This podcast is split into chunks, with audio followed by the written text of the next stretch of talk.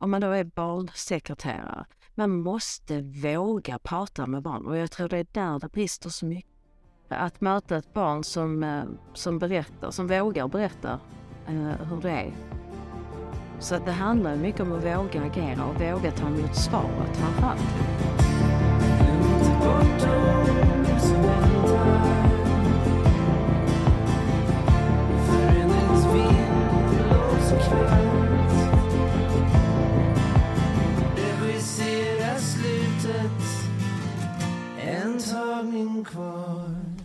Hej Camilla och eh, välkommen till Barnrättspodden. Tack. Eh, jag heter Nicolina Holk, vi känner varandra sedan tidigare. Eh, jag är vuxet maskrosbarn och är aktiv på sociala medier med att berätta om min historia. Eh, och med mig har jag Jessica Ivarsson och jag är ordförande i Brinn för barnen och jag är också ett maskrosbarn. Vi tänkte att du skulle få börja med att bara berätta om eh, vem du är och vad du gör. Eh, uh, jag är Camilla Wallin, uh, socionom sedan 35 år tillbaka ungefär. Eh, har jobbat i Skåne största delen av hela mitt liv och har jobbat både som socialsekreterare, jobbat med forskning, jobbat med social jour och i dagsläget jobbar jag med vuxna missbrukare på LARO-behandling. Uh, har också själv varit familjehem. Så jag har haft barn placerade hos mig. Så det är väl jag i korta ord. Spännande. Hur länge jobbar du eh, om man börjar med socialtjänsten? Ja, men jag började i socialtjänsten när jag var färdig socionom och jobbar väl 10-12 år rent som socialsekreterare eh, och jobbade ju då med eh, barn och familj, ekonomi, vuxna missbrukare, ungdomar. Sen jobbade jag ju i tio års tid i Köpenhamn som svensk socialarbetare mm. innan jag kom tillbaka till Malmö igen och sen fortsatte med forskning. Vad har du forskat inom Camilla? Överdoser heroinöverdoser är det enda jag har forskat kring. Um, under all den här tiden och allt du har gjort, har du något speciellt minne just när det gäller barn och unga som har påverkat dig extra mycket? Det finns säkert flera, men är det något särskilt så som? Ja, yeah. nej, alltså jag funderar lite på det och det är ju som så att det är allt, alla möten, om det så har varit med vuxna eller med barn eller ungdomar, påverkar en jättemycket och um, har ju också gjort att alla möten är speciella. Så jag har jättesvårt att peka ut någonting som är eh, speciellt, att det har påverkat mig speciellt. För att när jag tittar tillbaka till åren så ser jag liksom att ja, men det har varit massa händelser som har påverkat, både positivt och också tuffa händelser. Men det är ingen som är så speciellt som jag liksom kan säga har påverkat mig, utan det är mer helheten. Mm. Men jag tänker så här, det måste ju, alltså man tänker utifrån i alla fall, att det är en väldigt tuff roll som du har haft och så. Vad är det som har gjort att du, du orkar och fortsätter? Ja, men det är väl egentligen att man alltid får så mycket tillbaka. Eh, och sen så blir man lite skadad när man har jobbat så länge med det. Att man liksom inte ser det här som folk utifrån ser, att det är tufft eller så. Eh, när jag ser liksom att idag när jag jobbar med vuxna missbrukare, att folk tycker det är tufft. Jag ser ju inte det så, utan jag ser det att ja, men jag jobbar med människor som vill förändra någonting. Och ibland går det och ibland går det inte. Eh, men vad som har gjort det är väl också, tänker jag, att eh, jag är uppväxt i, i en socialarbetarmiljö ju. Eh, där min mamma var socialarbetare också. Och jag är uppväxt som då biologbarn i familjehem. Mina föräldrar var familjehem hela min uppväxt. Hur har det varit? Uh, ja, men jag tycker det har varit jättebra. Eh, mina föräldrar hade vuxna missbrukare när jag var liten. Och sen har det varit eh, jourplaceringar och längre placeringar. Eh, och jag tycker det har varit för mig, ja, det har inte varit konstigt, det har bara varit helt naturligt. Men jag tänker också, du har också varit familjehem. Hur, det, hur är det att vara, alltså på andra sidan höll jag på att säga, men äh, att vara familjehem? För... Alltså det, Uh, Alltså det man ska komma ihåg när man är familjehem, det är ju att man får inte bara barnet eller tonåringen, som jag har haft, tonåringen, utan man får hela tonåringens nätverk. Mm. Alltså föräldrar, farföräldrar, morföräldrar, eh, släktingar som aldrig har velat ta ansvar dyker helt plötsligt upp. Eh, när barnen liksom, eller tonåringen är i trygga miljöer. Eh, så att man, alltså det är lätt hänt att man, man kanske tänker som familjehem att ah, men jag ska bli, ta hand om ett sött litet barn. Mm. Men man får ju faktiskt med en hel, eh, en hel släkt på köpet. Och det, just det du säger, det tror jag många inte tänker på faktiskt. Eh, utan man Nej. tänker bara på att man ska ta hand om det här barnet, men det är ju så mycket mer. Tror du att du har haft en fördel just att du har förståelse för det innan? Eller eh, Ja men det tror jag. Alltså det, det tror jag garanterat. Därför att mina föräldrar när de var familjehem så var biologföräldrarna och biologsläktingarna alltid med. Mm. Alltså när de fanns. När de fanns. Det fanns ju vissa som inte hade men de var alltid välkomna och det tror jag liksom har påverkat mycket. Och där tror jag att, eh, alltså där tror jag att man glömmer, man glömmer, socialtjänsten informerar inte om det. Det är ingenting man lyfter direkt. varför då? Nej, jag tror att dels tror jag att man är lite desperat, att det är svårt att hitta bra familjehem. Eh, och man vill inte skrämma iväg dem kanske. Och en okunskap, Mm. tänker jag. Okunskap hur då, tänker du? Alltså att man eh, har en okunskap i att förmedla till, om man då tänker nya familjehem, eh, att förmedla riktigt vad det faktiskt innebär. Det tänker jag är lika med, eller så som jag kunde uppleva det med mitt familjehem var att det inte fanns någon riktig kunskap kring vad barnet kunde, eller vad barnet kunde bära med sig och vad det kunde resultera i vad gällde känslor, eh, utåtagerande beteenden och så. Nej, och det tror jag. Sen tror jag att man har utvecklat, jag tror faktiskt man har utvecklat det sen du var placerad Nicolina. Jag hoppas det. Jag tror det. Att man har haft, eh, man har utbildningar för familjehemsföräldrar i mycket större utsträckning än vad man hade förr. Och det vet jag för jag var inbjuden, det är, så, det är säkert tio år sedan, eh, att prata på en sån utbildning om hur det var att vara biologbarn som var uppväxt i, med föräldrar som hade familjehem. Och det var rätt spännande för det var ingenting som man hade tänkt på. Nej. Nej, för jag menar det blir ju också en, eh, alltså en, en förändring för de barnen som de biologiska barnen. Och jag tror att har man inte förankrat det riktigt så är det som gjort för att det också kan, kan bli, behöver inte bli en dålig placering för det, men att man kunde undvikit mycket om man hade varit tydligare med det, vad det innebär att vara biologbarn i ett familjehem. Ja, det är faktiskt ett, Ja. ett område som jag tycker vi ska lyfta också någon gång, tänker jag. För att, för att ehm, man glömmer oftast av det, tycker jag, när man pratar med både familjehem eller och påverkan när barn flyttar in och flyttar ut också. Ehm, Ja. att man glömmer av de här Ja, precis. Separationer. Ja, precis. Men jag tänkte just på, hur såg socialtjänsten ut när du började? Ja, men om jag jämför socialtjänsten eh, när jag började jobba där, eh, som då var i Malmö också, och den kontakt jag har socialtjänsten idag utifrån att jag samverkar med dem, så kan man väl säga att jag tyckte det var mer jordnära på ett sätt. Eh, men också mycket eget tyckande, vad den enskilda socialsekreteraren tyckte. Idag kan jag tycka att det är mer evidensbaserat och det är också mer, eh, men mer styrt, mer struktur, mer regelverk och det kan ju vara på gott och ont ju. Så det tänker jag är en stor, stor skillnad. Hur upplever du att det är mer evidensbaserat? För, för man får ju ofta tyvärr höra att det är, eller tyvärr, ja, det får man ju se hur man, vad man tycker då, men att det är mycket subjektiva bedömningar vilket gör att eh, om jag, vi tar ett barn, tyvärr så är det ju så också att det är sån ruljans på de här barnsekreterarna, så ett och samma barn kan ju vara tre år gammal och varit placerad i tre år och haft åtta olika barnsekreterare och ingen har egentligen lärt känna barnet ordentligt. Och varje f- barnsekreterare kommer in med sin egen bedömning. Och där är väl ett stort bekymmer tänker jag. För när jag jobbade i socialtjänsten i Malmö så hade ju de flesta som var socialsekreterare hade varit på sina tjänster Mm. liksom i 10-15 år. Och jag var ju en ung när jag började.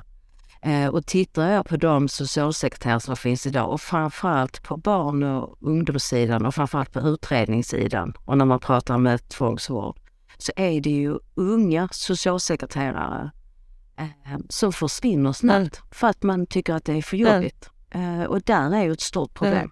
Det är ett jättestort problem. Eh, och jag hör ju med unga socionomer, det är ju ingen, alltså helst vill de inte jobba med barn och ungdomsutredningar. För att det är tufft. Det är alldeles för tufft. Tror du att det är så att de inte är medvetna om det när de är klara och sen ska komma ut och jobba? Tror du att det behöver bli tydligare? Eller kanske behöver man... Vi har ju pratat om det Jessica, att man skulle kanske gå en praktik eller en typ som en AT-tjänst innan man kommer ut och blir färdig socialsekreterare. Just för att man ska få dels erfarenhet av yrket i sig, men också för att kanske bli bedömd och se så att man faktiskt är lämpad till. Ja, jag, jag tror det är svårt, men, men det jag tänker är att socionomutbildningen på gott och ont är ju en otroligt bred. Alltså den är ju så himla bred. Mm. Eh, och att sista terminen så väljer man liksom missbruk eller barn och alltså det, det har varierat lite. Eh, men där gör man ju sin liksom specialval, vad man ska säga. Sen så är det ju rent krasst att socionomprogrammet är ju inte så mycket praktiskt. Alltså man har ju en praktikperiod när man är ute, men det är ju inte så mycket praktiskt så att man kommer ju ut till någonting som är helt nytt. Så jag tror mer att man ska, måste titta på det här med mentorskap och också för att behålla eh, socialsekreterare som då jobbar med framförallt barn. Att de blir kvar för att de kan ta ett annat ansvar för de nya socialsekreterarna. Och det är väl lite det vi menar egentligen och som, och som vi har pratat om. Eh, jag har pratat också med en annan socialsekreterare här i Göteborg som är bara 40 år inom socialtjänsten och det hon, hon ser är väl också det precis som du säger Camilla att, att eh, på hennes tid, när hon började eller förut, så ja. var man inte, jobbar man inte inom barn och unga om du inte hade jobbat inom socialtjänsten 5 till 10 år. Du fick inte göra det utan du var tvungen liksom att ha jobbat som socialarbetare innan. Eh, så det vi har pratat om är väl lite där att man ska få legitimation, liksom, att man får göra någon extra påbyggnad och praktik och ha en, ett mentorskap liksom, för att få jobba med barn och unga. Då det är mm. otroligt utmanande så, såklart. Ja. Mm. ja. det är det för att du har ju både barnet men du har ju också, finns det liksom biologföräldrar med som du också ska liksom. Ja.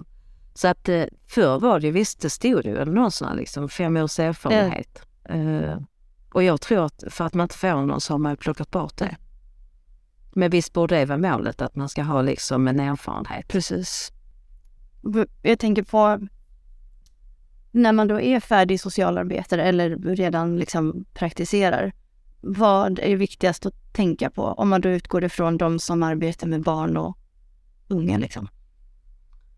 Alltså oavsett, jag tänker om man är färdigutbildad socialarbetare och jobbar med sociala frågor, om du om det är barn eller om det är vuxna så tänker jag att man måste tycka om att jobba med det man jobbar med. Alltså det är det viktigaste. Att, eh, tycker man då om att jobba med barn och ungdomar eh, och tycker om att liksom jobba med placerade barn så är det det man ska göra. Tycker man inte det är kul så ska man inte göra det. Eh, och så tänker jag att det är allt socialt arbete.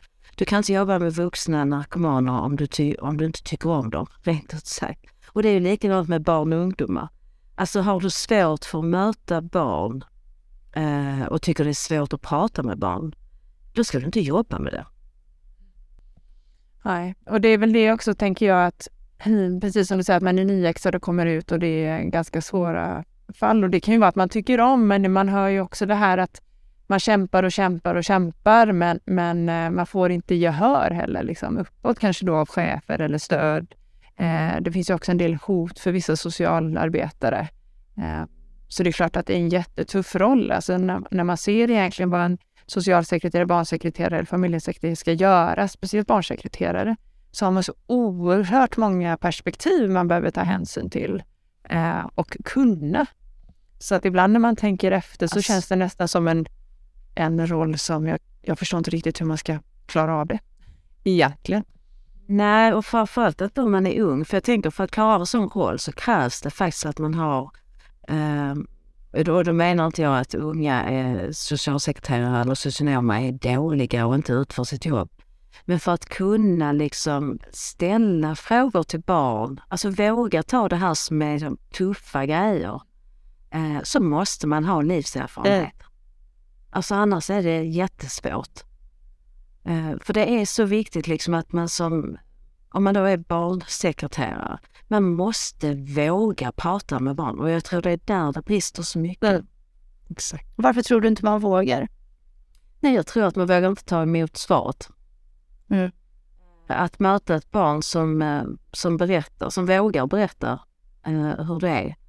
Och då är det bättre att inte fråga för då behöver man inte ta emot svaret. Alltså jag tror tyvärr det är en, en rädsla. Och det gäller inom allt socialt arbete tänker jag. Att jag menar, träffar jag en eh, aktiv narkoman så måste jag ju våga prata. Så att det handlar mycket om att våga agera och våga ta emot svaret framförallt ju. Ja, det var ju någon som skrev mm. någon artikel, så skrev en social, eh, som har jobbat inom socialtjänsten länge, att man behöver modiga socialarbetare. Ja. ja. Och jag tror att socialarbetare på 70-talet var kanske lite mer modiga. Mm. Jag tänkte på, ehm, fanns det någon gång under din tid som socialarbetare där du kanske tyckte något annat än vad de över dig tyckte? Eh, och där du liksom inte fick eh, ja, men stöd hur du vill utföra ditt arbete. Men man kan väl säga i att det, det är hela tiden. Att, eh, att de inte tyckte vad man tycker. eh, vad man själv tyckte. Ehm, Också utifrån vilken erfarenhet man hade med sig och att man kunde stå på sig kring vissa grejer. Eh, och då får man ju stå på sig och stå på sig. Eh, jag jobbade en kort tid i Malmö med kriminella ungdomar. Och jag tyckte inte det var kul. Jag tyckte det var skittråkigt för att man fick liksom ingen respons. Det fanns liksom ingen utveckling. Eh, och det gjorde jag ju det som många andra gör, att då väljer jag att jobba med något som jag tycker är kul, som är missbruk, som jag tycker är roligast. Mm. Och alltid tyckt.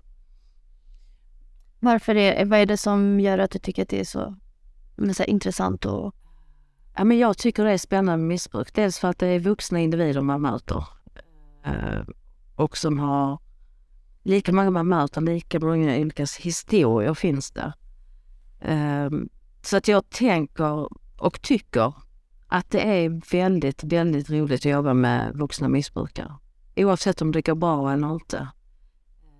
Men också att det finns en spänning i det. Att det är ett spännande möte med människor varenda gång man möter en vuxen. Det är nog det jag tycker. Och jag tänker på det Camilla också, just det här med olika kommuner och olika insatser. Det, det kan ju skilja sig otroligt mycket just när det gäller, ja, inte bara barn och unga såklart, men det är ju det vi, vi riktar in oss på här då. Eh, där man hör liksom att en socialsekreterare kanske vill göra en insats men att det inte finns budget för det. Hur tänker du kring det? Alltså det, det kan inte vara rimligt att det är så olika i olika kommuner. Nej. Alltså, och det är ju det, det, är ju det helt orimligt att, att, jag menar så stort är inte Sverige men det, mm. det är ju jätteolika från kommun till kommun. Det räcker ju att man tittar liksom, tittar man på Göteborg och Malmö så ser det väldigt mm. olika ut. Uh, och också vilka insatser man erbjuder till, till barn eller hur man utreder, eh, hur man gör bedömningar och hur man bedömer familjehem. Eh, det varierar jättemycket. Jag menar det kan vara familjehem som, är, som inte är godkända till exempel i Skåne men så blir de godkända i Småland. Eh, och eftersom placering ska ske, alltså jag menar Stockholms socialtjänst kan ju placera på Österlen eller i Småland eller var som helst och vice versa. Eh, och då kan man ju godkänna ett familjehem som kanske hemkommun inte har godkänt eller en annan kommun inte har godkänt. Men och även om man då ska kolla upp rent eh, så med andra så gör de ju sin egen bedömning. Men hur ska man komma åt det då? Alltså jag tror att man, är, alltså inte, man kan inte ha register och sådana grejer, men jag tror att man måste våga lita på, liksom, har man en kommun som har sagt nej till det här familjehemmet, att vi tycker inte de är lämpliga, så tycker jag att det är den, för det finns ju någon orsak till att man har sagt nej. Om det så bara är liten eller vad det är så är det ju en orsak man har sagt nej och då tycker jag att man måste våga lita på det. Vad är det man tittar på? Jag bara Mm. tänkte nu när vi kom in på ämnet. Vad, vad är det man tittar på när man ska avgöra om en familj är lämplig eller inte? Alltså där är ju lite, där använder alla kommuner olika metoder. Eh, vissa använder fortfarande Kälvesten som, som användes när jag jobbade, som är 25 år sedan och den används fortfarande, sen har också den utvecklat. Mm. Eh, och andra kommuner har ju valt andra, så att man använder ju bedömningsmallar. Okej. Men då är man ju tillbaka i det här också att man måste våga fråga de obekväma frågorna. Och gör, frågar man inte de obekväma frågorna så får man inga, kan man inga obekväma svar heller. Så där tänker jag att det handlar än en gång liksom med erfarenhet, att man liksom vågar ställa frågorna. Mm. Ja, och det vet ju jag. Och Jag, jag tänker att det är återkommande när det gäller allt barnavårds, barnavårdsarbete som man sa på 60-70-talet. Men här som gäller barn och ungdomar, att det handlar om att våga fråga. Om det så är fråga biologföräldrar, fråga barnen, fråga familjehemmet. Och jag tänker det också, just det här med kommuner och olikheter och, och sådär. Och, alltså det måste finnas ett sätt egentligen där man, där man samlar... Alltså jag vet ju att SKR då ska driva och hjälpa till och utbilda och se till att man jobbar likt, eller i alla fall utifrån bästa förutsättningarna. Men, men vad tror du, krävs det något mer liksom för att man ska få best practice om man säger så? Att nej, men det här verkar funka i den här kommunen, ska vi inte alla andra också göra något liknande? Och det är ju alltid svårt. Nej. Det är ju alltid svårt att få det. Och sitter en, jag menar det finns små, små, små kommuner Mm. som sitter där det kanske är en socialsekreterare som sitter med allt. Både liksom ekonomi, barn och vuxna. Um, I någon liten kommun. Så jag tycker, det- jag tycker det är jättesvårt hur man ska få liksom en enhetlig... Men där tänker jag också tillbaka med forskning Mm. kring liksom barn och eh, familjehem framförallt. Att det inte är jättemycket forskning i den frågan. Men eh, sen tänker jag på det också, det, tyvärr är det ju så märker man ju att när, eh, om ett barn far illa så kanske socialtjänsten har fångat upp de här barnen. Då, då brukar ju familjer flytta också till nästa kommun. För att där, eh, där är de ju blanka så att säga. Där finns det ju liksom ingen orosanmälan på dem. Det tycker jag också är ganska så här oroväckande att man, att man kan flytta ifrån det så att säga. Hur skulle man kunna... Och det kan man ju. Ja, det kan man ju. Äh, äh, det, och, och, och där tror jag det är svårt att förhindra liksom att man, för, då- för då är man inne liksom på vad som är den individens eget val och så. Men det är jättesvårt för att man, de familjer som liksom blir ofta orosanmälda flyttar ju, flyttar ju runt. ju. Och det förs inga journaler. Alltså jag tänker, hade de kunnat flytta med på något sätt? Eller fast i och för sig så dyker de inte upp i vården eller så, så är det ingen som kommer märka av dem. Nu är det olika journalsystem. Ja. Det är olika journalsystem inom kommunen och inom sjukvården. Och det är olika journalsystem i olika regioner i hela Sverige. Så att det är ett problem där. Men det är det man ser över nu då just när det gäller sekretess och sådär, att man ska lätta på det på något sätt så att man kan få bättre samverkan mellan polis, sjukvård, eh, socialtjänst och ja, jag vet inte, förskola också, skola kanske. Eh, hur tänker du kring det Camilla? För det, det känns ju lite som att idag så är det mer eh, personberoende om man samverkar. Ja men det är Mm. det. det. Och så har det varit tänker jag i alla tider. Mm. Men man ska ju, nu ska ju socialtjänstlagen tittas Mm. över ju. Mm. Och samtidigt pågår samsjuklighetsutredningen där man också tittar på barnens eh, situation i missbruk och psykisk sjukdom. Så att eh, förhoppningen är väl att det kan, kan ge någonting. Mm. För det är första gången man verkligen går igenom det så noga Mm. och där man också börjar titta på vem som ska ha ansvaret för vad.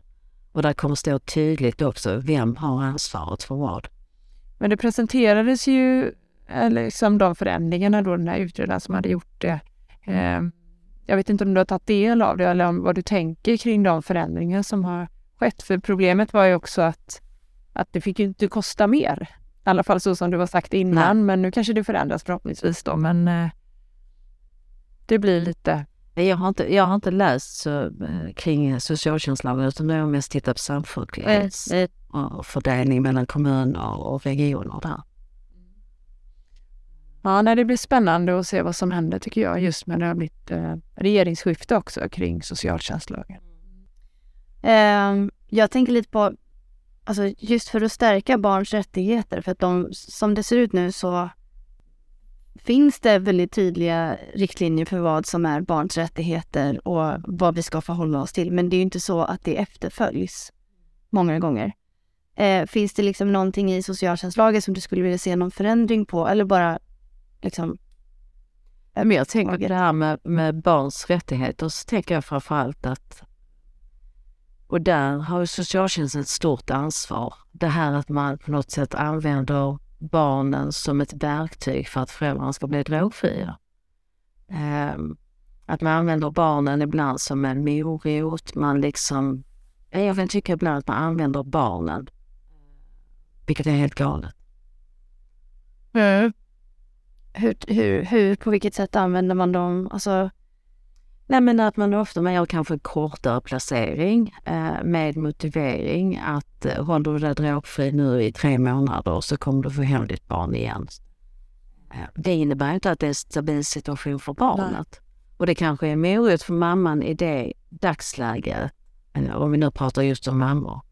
Eh, att det kan vara morot i dagsläget, men det kan också bli press som gör att det blir att man inte heller vågar säga att jag fixar inte det. Och där tänker jag att det stora är att, att våga säga att man inte fixar det. Det, det är liksom det största. Mm. Men om man har satt den här liksom att ja, tre månader och sen får du hem barnet, då har man gett barnet ett löfte, man har gett familjehemmet ett löfte, man har liksom gett socialtjänsten ett löfte på något sätt.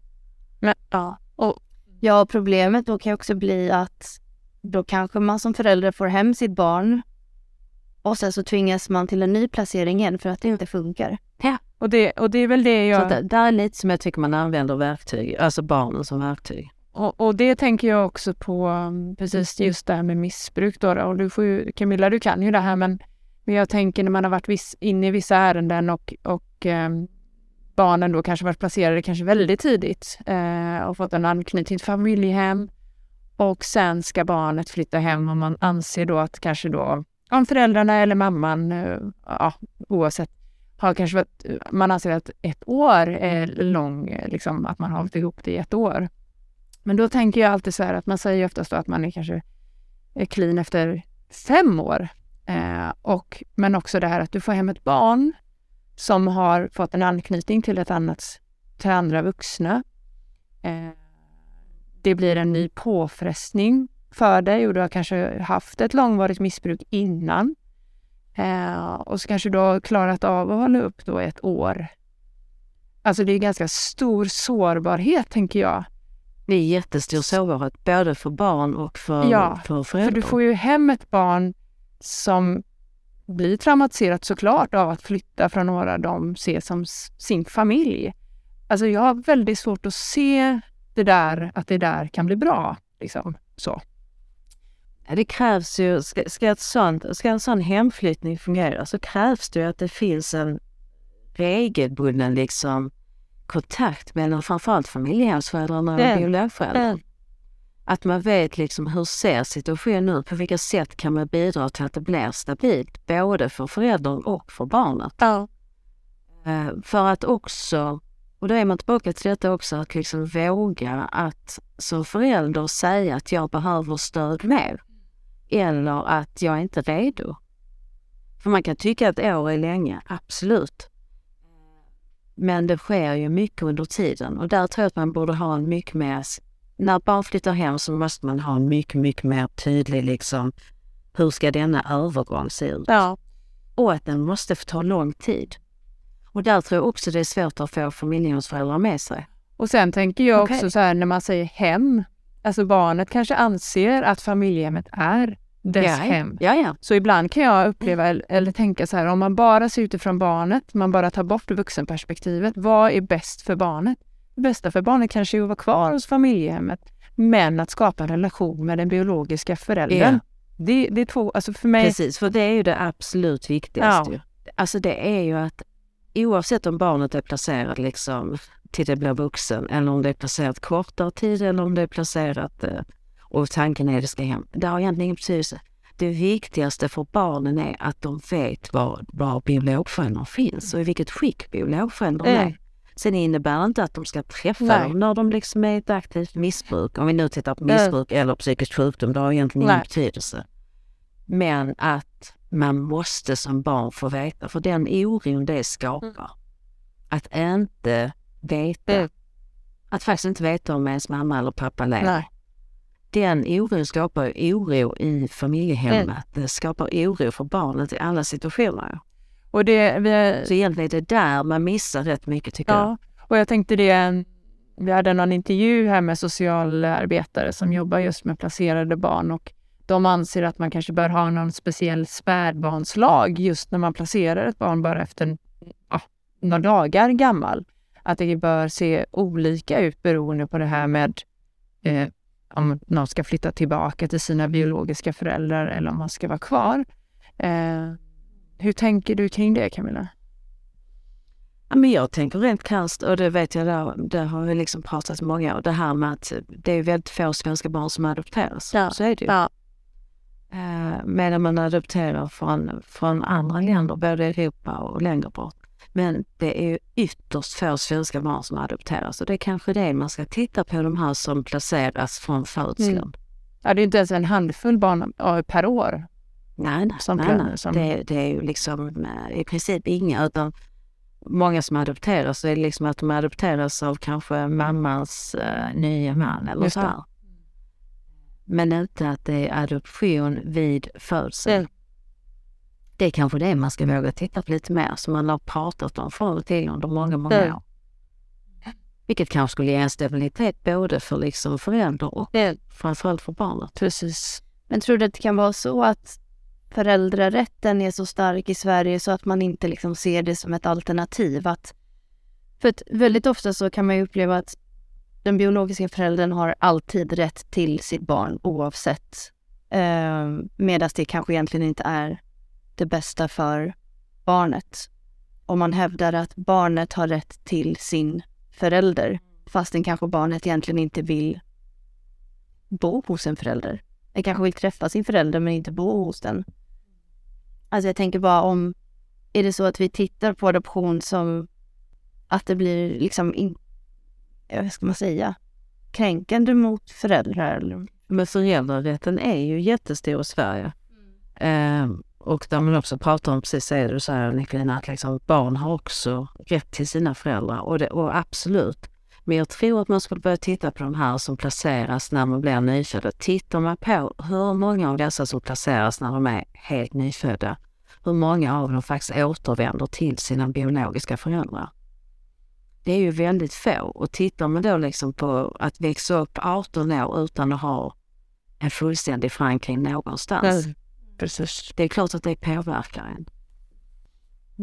Men jag tänker också det här med umgänge. Vi pratade lite med eh, fantastiska Björn Tingberg om just det här att eh, när barn tvingas till umgänge, vilken stress det innebär för barn. Och som han sa då, som jag tycker var ganska klokt, att hur ofta, eller hur, hur mår någon av att träffa någon man är rädd för eller bete sig då kanske om man, om man är i ett missbruk så, så har man ju liksom ett annat, man kanske inte är riktigt där liksom.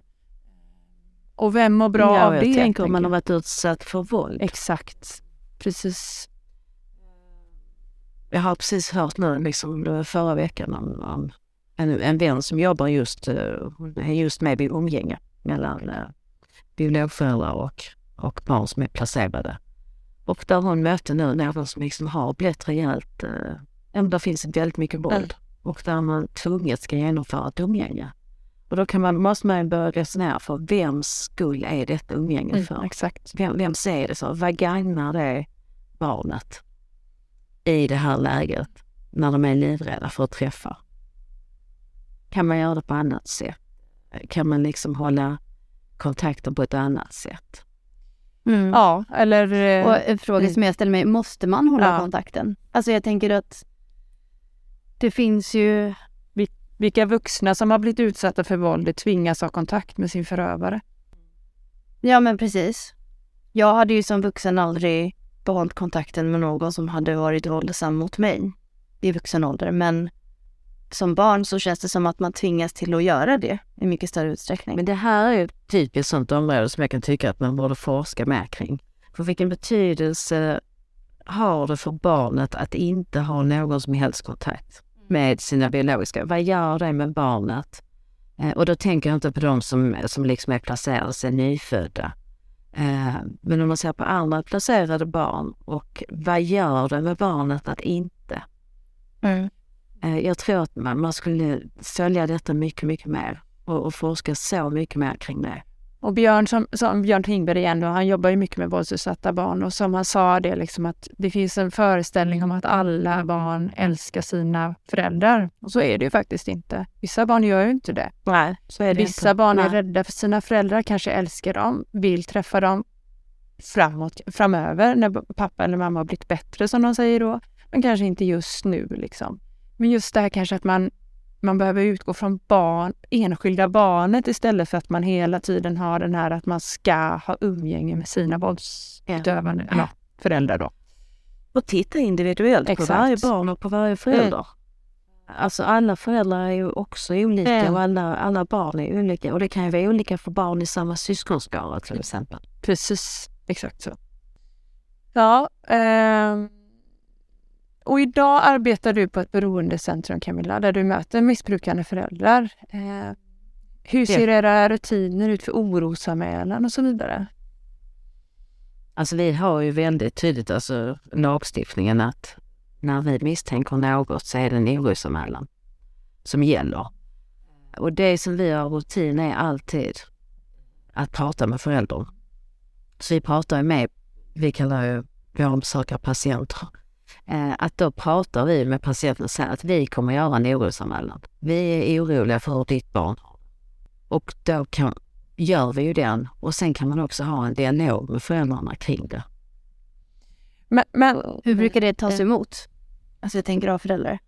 Ja men faktiskt förvånansvärt bra. Ehm, för att de själv kan känna att det kanske inte är okej alltid. Eh, vissa kan bli förbannade och ilskna eh, Eh, men kan ha en förståelse för det.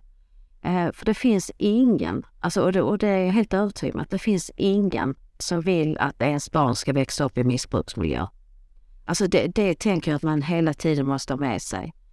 Och tittar vi på många, inte alla, absolut inte alla våra patienter, men många är ju uppväxta i missbruksmiljö och de vill ju absolut inte att sina barn ska växa upp i det.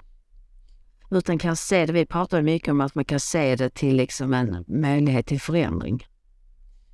men, men Så vi har väldigt öppen dialog med våra patienter om detta. Väldigt, väldigt öppen. Från de börjar hos oss och liksom under vägen. Men jag tänker Camilla, det är många som, som har blivit föräldrar eh, som inte var planerat, om man säger så.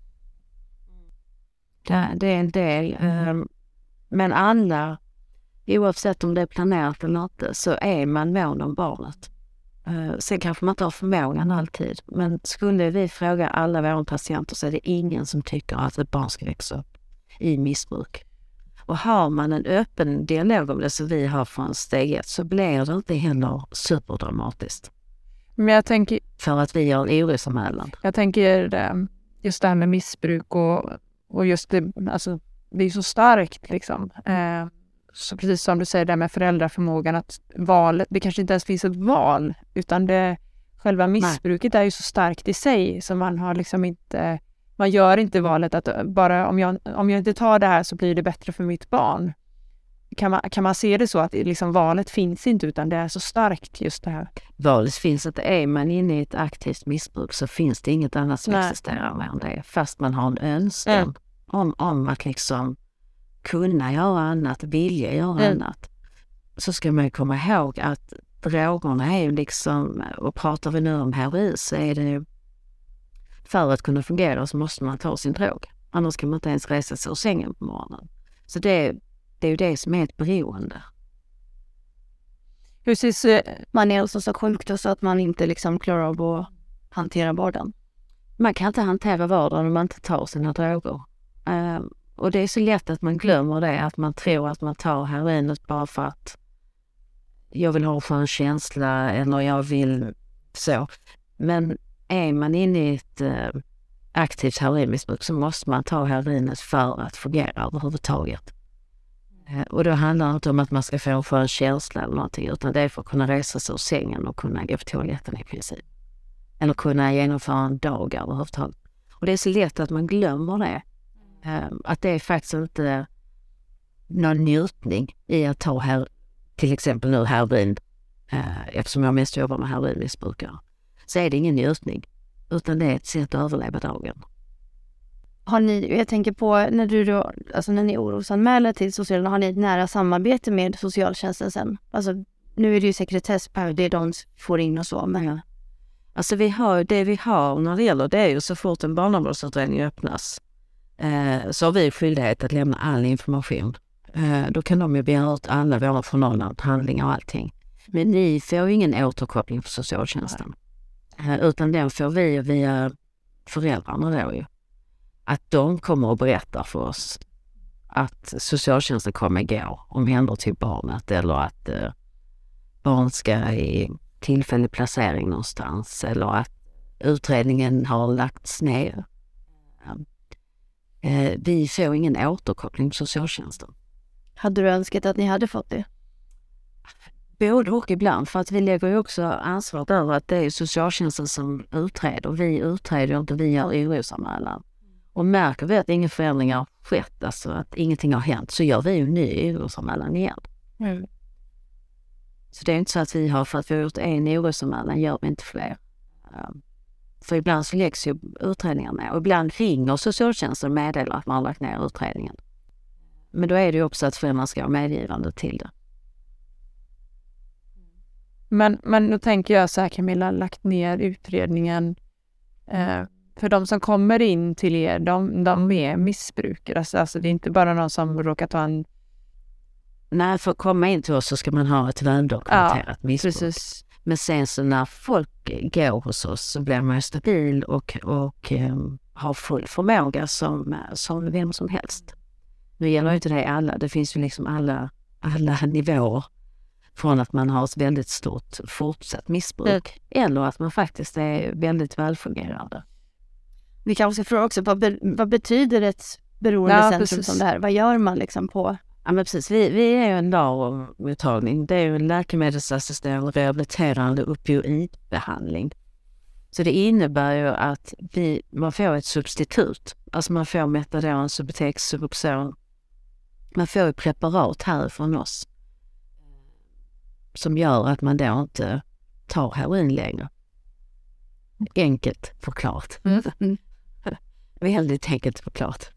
Men när tycker du att man är ren då, eller vad ska man säga? När, när tycker du att man är drogfri? Jag tycker man är drogfri när man fungerar i vår behandling. Alltså vi har ju folk som har gått så i, i 15 år eh, och som aldrig tar något återfall eller har något sidomissbruk av annat.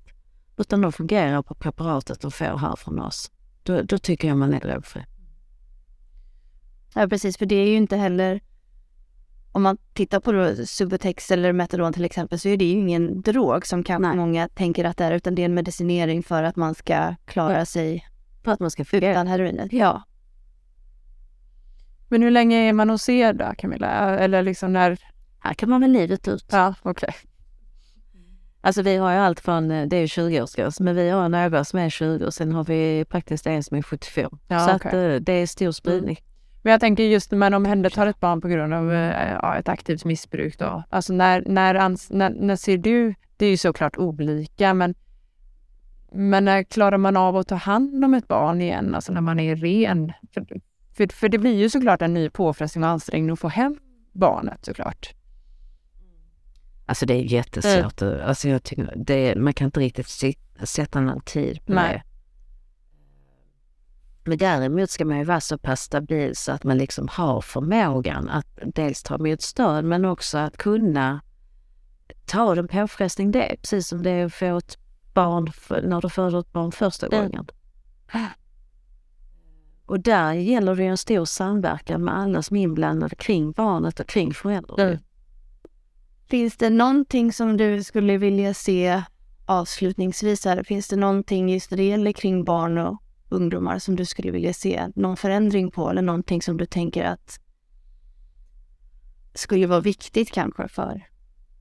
Nej, men om man tittar just på det här med, alltså om jag tänker just på, om jag fokuserar på placerade barn, så tycker jag att man måste, måste, måste mycket, mycket mer våga agera. Jag, jag tycker att det är det viktigaste.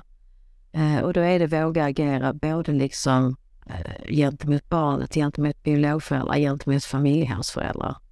Eh, att våga agera, våga fråga. Det, det, tycker jag är det viktigaste, för det är där man brister, att man inte vågar fråga. Modig. Modiga Modiga socialarbetare. socialarbetare modiga vuxna. Helt riktigt. Ja, men jättebra. Tusen, tusen tack Camilla för att du ville vara med oss här idag.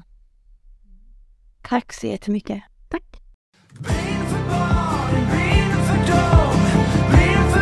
so into so